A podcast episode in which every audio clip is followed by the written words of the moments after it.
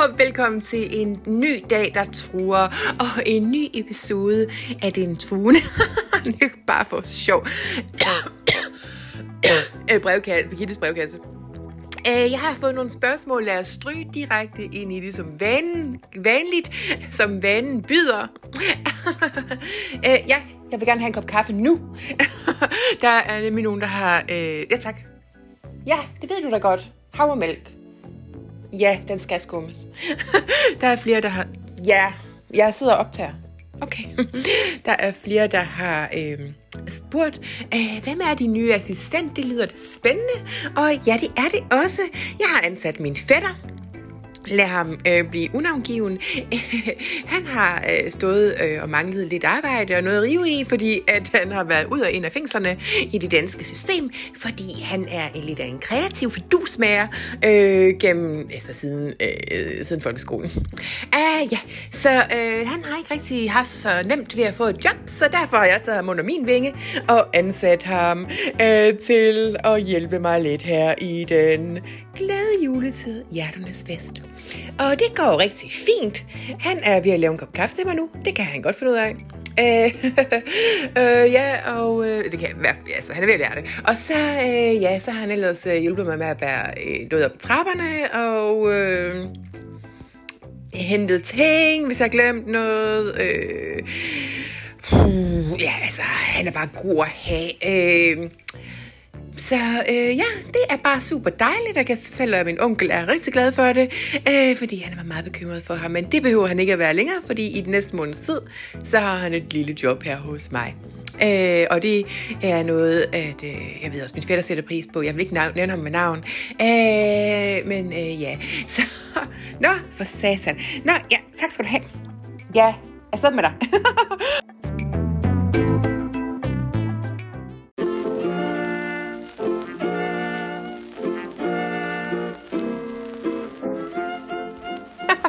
Jeg har fået... Øh, velkommen til brevkassen forresten. Øh, vi skal til det igen. Uh, jeg har fået et brev ind her øh, til Birgittes brevkasse om, øh, kring, hvad er tekstil?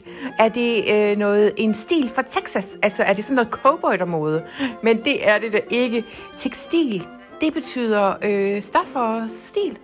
Uh, ja, så øh, tekstilindustrien, det er faktisk uh, tøjindustrien, som jo øh, altid har ligget i Ikast og Herning, uh, hvor jeg jo kommer fra. Min, mit, øh, ja, min gamle, øh, ja.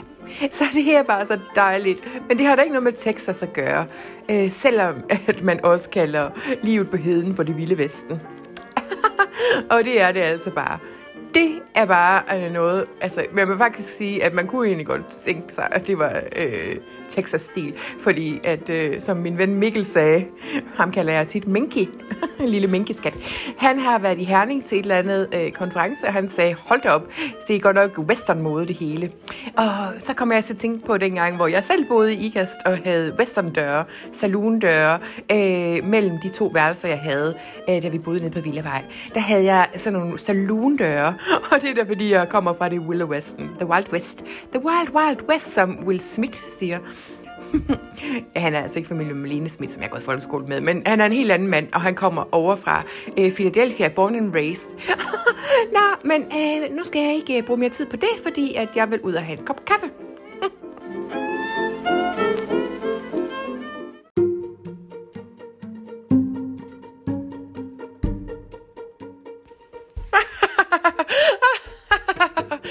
Oh, ja.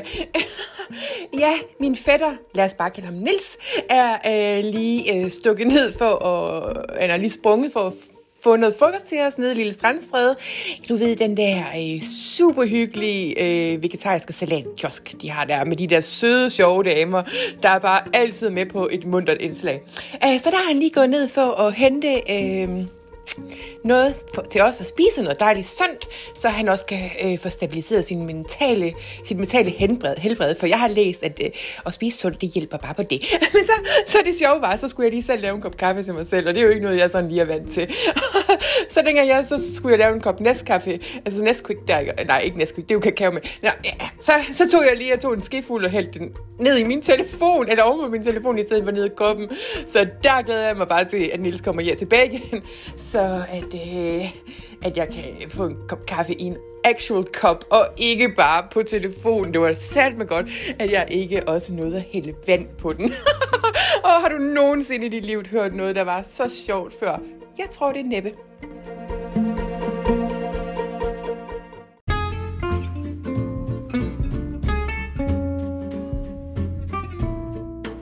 Spørger du så, hvad har du lavet i dag, Birgitte? Jo, nu skal du høre her. Jeg har lige været op og kigge på et lille sommerhus, eller et lille sommerhus.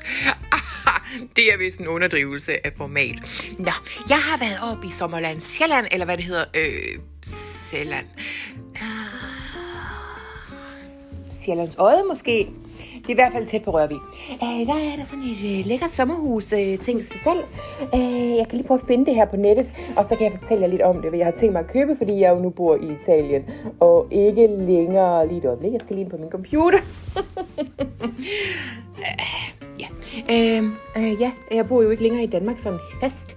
Øh, og så tænker jeg, at det ville ikke være bare pisse fedt, hvis jeg fik et sommerhus op i Nykøbing Sjælland på Rishøjvej. Og oh, undskyld. Hvad er det for noget med mig i dag? Går jeg lige til billedudsigten. Uh, øh, ja, lige uden for Nakke, der ligger der uh, bare det skønneste sommerhus. Uh, jeg kan lige læse op, hvad der står. Der står her i Rørvig lige uden for Nakke, deroppe, hvor vandet i Kattegat løber ind og bliver til fjordvandet i fjordlandet. Der ligger et sommerhus bygget til den store familie. Eller rettere, der ligger fem sommerhuse på en 3,6 hektar, hektar grund, med noget så ualmindeligt som 32 sovepladser. Hvert sommerhus er helt sin egen hvad sommerhus er jo helt sit eget, med stort set alle faciliteter. Uh, ja, det er som en lille by, der er både swimmingpool og tennisbane, og så er der fem sommerhuse. Der er et kæmpe stort et, uh, det skal nok være til mig, og så er der et, der er lidt mindre, men også er kæmpe stort, og det kan så være til min mor, og så er der det tredje største, det kan blive til min far, og så er der to små. Uh, men når jeg siger små sommerhus, så er de større end almindelige sommerhus, fordi der er stadigvæk tre værelser eller sådan noget hver, og et køkkenalrum, og udendørs brus, og så videre. Og så er der jo swimmingpool og tennisbane, så vi kan alle sammen bare spille så meget tennis og svømme så meget, vi har lyst. Og så kunne man bare samles derop til hele familien i løbet af de danske sommer.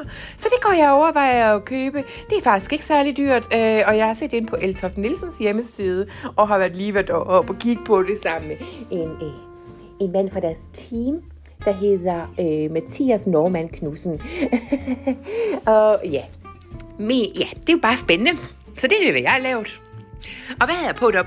Jo, jeg havde taget sådan en lille hat på, øh, fordi at, øh, jeg tænkte, nu skal jeg se sådan lidt øh, businessaktiv ud. Så jeg tager en lille hat på, og øh, sådan en lang øh, Max Mara camel coat, og så havde jeg taget sådan et par boots på til udendørs brug, og så havde jeg taget... Øh, nogle stramme bukser og så en stor chiffonskjorte med alle mulige flæser og prikker på. En polkadot. så er det bare så dejligt.